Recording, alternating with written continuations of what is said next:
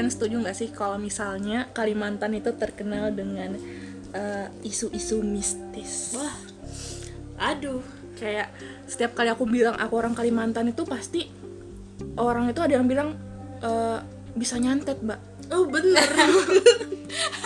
Aku belum pernah sih aku belum pernah digituin. Aku pernah digituin. Tapi memang sih kalau tentang mistis-mistis ya eh, Kalimantan juga nggak kalah lah sama Jawa juga ya mistis juga. Iya sih. Santet menyantet itu iya ada. Betulan. Aku sebenarnya tapi kalau dipikir tapi Jawa tuh banyak juga sih. Iya banyak. Tapi kalau santetnya Kalimantan sama Jawa itu beda kan. Kalau Jawa itu lebih kayak persugihan gitu-gituan kan. Dia kayak gimana ya? Susuk. Susuk dan segala macamnya itu uh, kalau di sana untuk awet muda kayak gitu kan? Kalau kita di sini kuyang. Kuyang itu sebenarnya dari itu kayak orang hidup iya. yang iya benar. ibaratnya dia tuh mau jadi awet katanya muda ya itu. katanya bikin awet muda. Mm-mm. oh jadi kuyang Kuyang itu itu- bukan betulan setan gitu? Jadi itu Enggak. sebenarnya kayak makhluk jadi-jadian gitu. Iya macem siluman kak eh di di bawah siluman juga gimana ya? Iya gimana ya? Dia dia berubah lah intinya. iya intinya tuh sebenarnya itu orang, Orang. tapi dia bisa melepaskan diri dengan kepalanya gitu. Baru tahu. Om baru tahu. Hmm. Nah itu itu sebenarnya bukan hantu beneran hantu banget tapi itu lebih ke kayak iya. orang yang punya pengen ilmu awet deh muda ya. Nah, orang punya ilmu. Kayak persugihan juga sih sebenarnya cuman versinya kayak lebih kayak mengincar Oh, jadi dia kayak- fisik muda. kayak misalnya makan yang katanya dia nyari anak-anak yang bayi gitu buat awet muda gitu. Mm-mm. iya dia tuh makan darah nggak tahu juga sih. Jadi nih aku mau cerita nih. Kebetulan dulu almarhum nenekku dari bapakku itu Hmm. bidan. Nah rumah dulu orang dulu kan panggung ya. Mm-mm. Eh, jadi bapakku tuh kayak asistennya bidan ini loh asisten asistennya nenekku. Jadi jadi tuh aku nggak ingat cerita panjangnya yang jelas bilang bapakku ada kayak kuyang gitu loh jaga di bawah kolong iya di bawah rumah panggung oh dia bisa itu. di bawah ya? Iya. Aku pikir dia tuh selalu di atas. Iya meskipun ya. Ya ya, walaupun dia terbang tapi dia bisa terbang ke bawah juga ki. Jadi karena dulu kan rumah panggungnya jadi tuh dia tuh jaga-jaga di bawah situ.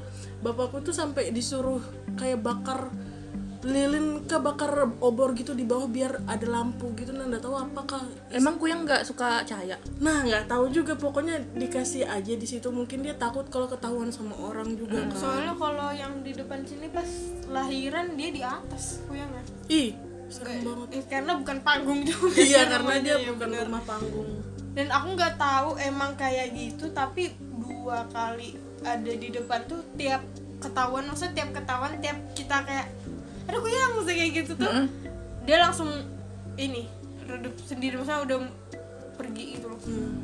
entah karena apa dia karena kalau ketahuan orang langsung kabur atau Iya dia mungkin takut. tahu. dia nggak bisa ngelawan gitu Enggak dia dikira vampir. dia anu apa kayaknya sama aja nggak sih kayak babi ngepet yang lagi booming kayaknya sekarang. ah iya Kayak ketangkap pun itu mereka nggak bisa iya. ngelakuin apa Iya, iya, gitu iya. loh.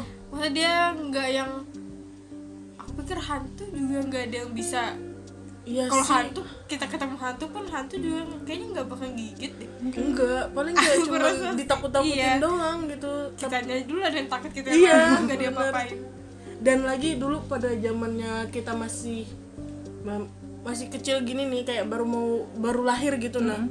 Jadi dulu tuh di gangku itu kan rumah itu jaraknya jauh banget nggak kayak sekarang yang kayak mepet. mepetan gitu kan.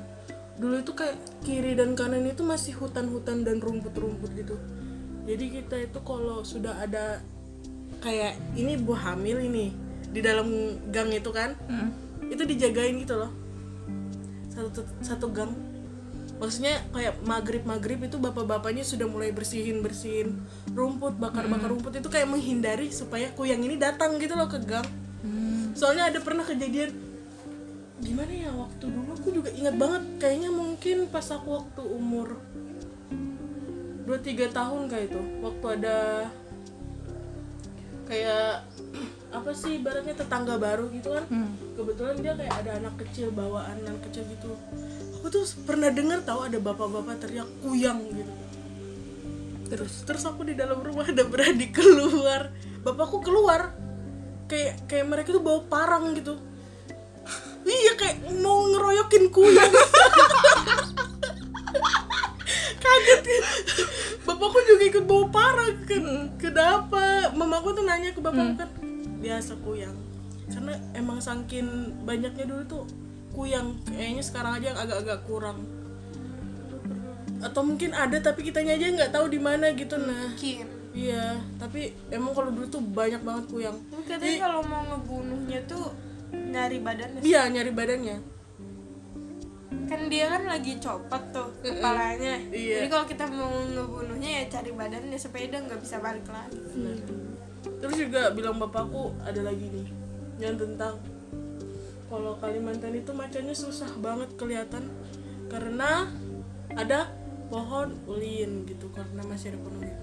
Macan ini dalam tanda kutip ya kayak siluman gitu loh. hmm.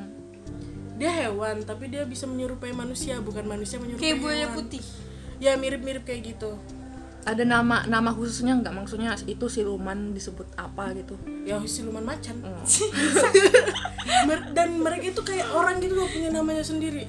Jadi itu pengalaman bapakku sih. Jadi kayaknya zaman dulu itu banyak betul pengalaman kayak mistis gitu kan. Bapakku itu kayak pernah merantau di suatu desa. Aku nggak tahu lagi namanya daerah mana. Daerah Longkali kah Longikis kah? Hmm. Hah, pokoknya itu dulu orang nggak berani nebang satu pohon. Aku lupa pohon apa waktu itu namanya. Sejenis kayak ulin juga deh kayaknya. Tapi bapakku tuh ya namanya zaman muda dia mah kayak ayu-ayu aja karena ini bakalan dapat duit dan segala macam kan dia bakal kerja deh jadi selesai nih. Dia sudah nebang apa segala macam. Serupa Nah, biasanya kan gitu ada yang kayak pohon ditebang kesurupan gitu yang nebang enggak sih ini bapakku niatnya baik sih emang. Nah terus habis itu ini rumah panggung lagi kan ini rumah panggung. Hmm. ada orang datang pemuda gitu. Berani ya kamu tapi ini maksudnya nadanya baik gitu loh bukan yang kayak orang ngancam gitu. Ih kok bisa sih kamu berani gitu loh nebang rumah pamanku? Dia bilang kayak gitu ya ini sih karena bapakku bilang kan karena orang-orang di desa situ tuh kan butuh lapangan jadi perlu ditebang itu pohon dan segala macam. Nah pokoknya mereka cerita panjang lebar lah katanya. Terus dia bilang ke bapakku kalau kamu ada apa-apa panggil namaku. Nah dia pulang. Yang bapakku lihat pas dia turun itu ekor ekor macan itu kayak segede lenganku beneran. Mm-mm. segede lenganku ini saking gedenya macannya itu. Hmm. jadi dia tuh kayak sebenarnya macan kan? Ke hutan ke hutan habis itu pulang. Jadi karena di desa itu kan masih banyak hutan kan? Jadi dia pulang ke hutan sana. Bapakku tuh langsung kayak kayak kaget gitu kan? Pucat badannya bilang terus. Jadi wujudnya tuh manusia cuman kelihatan ekornya gitu. Dia tuh wujudnya manusia cuman pas pulang dia sudah kembali ke, ke ibaratnya kembali ke tubuh aslinya gitu loh ke rupa aslinya. Jadi cuman yang kelihatan ekornya doang. kelihatan ekornya badannya juga. Maksudnya pas sudah dari dia membelakangi bapakku itu. Hmm. jadi yang ngomong sama bapakku tuh macan. Macan. Beda kan sama siluman jawa? Jadi kayak ya kan? Ya enggak sih? Enggak Nggak- sih, nggak tahu sih. Lihat tapi biasanya aku juga nggak pernah lihat aing Gi. saha aing macan aing mau.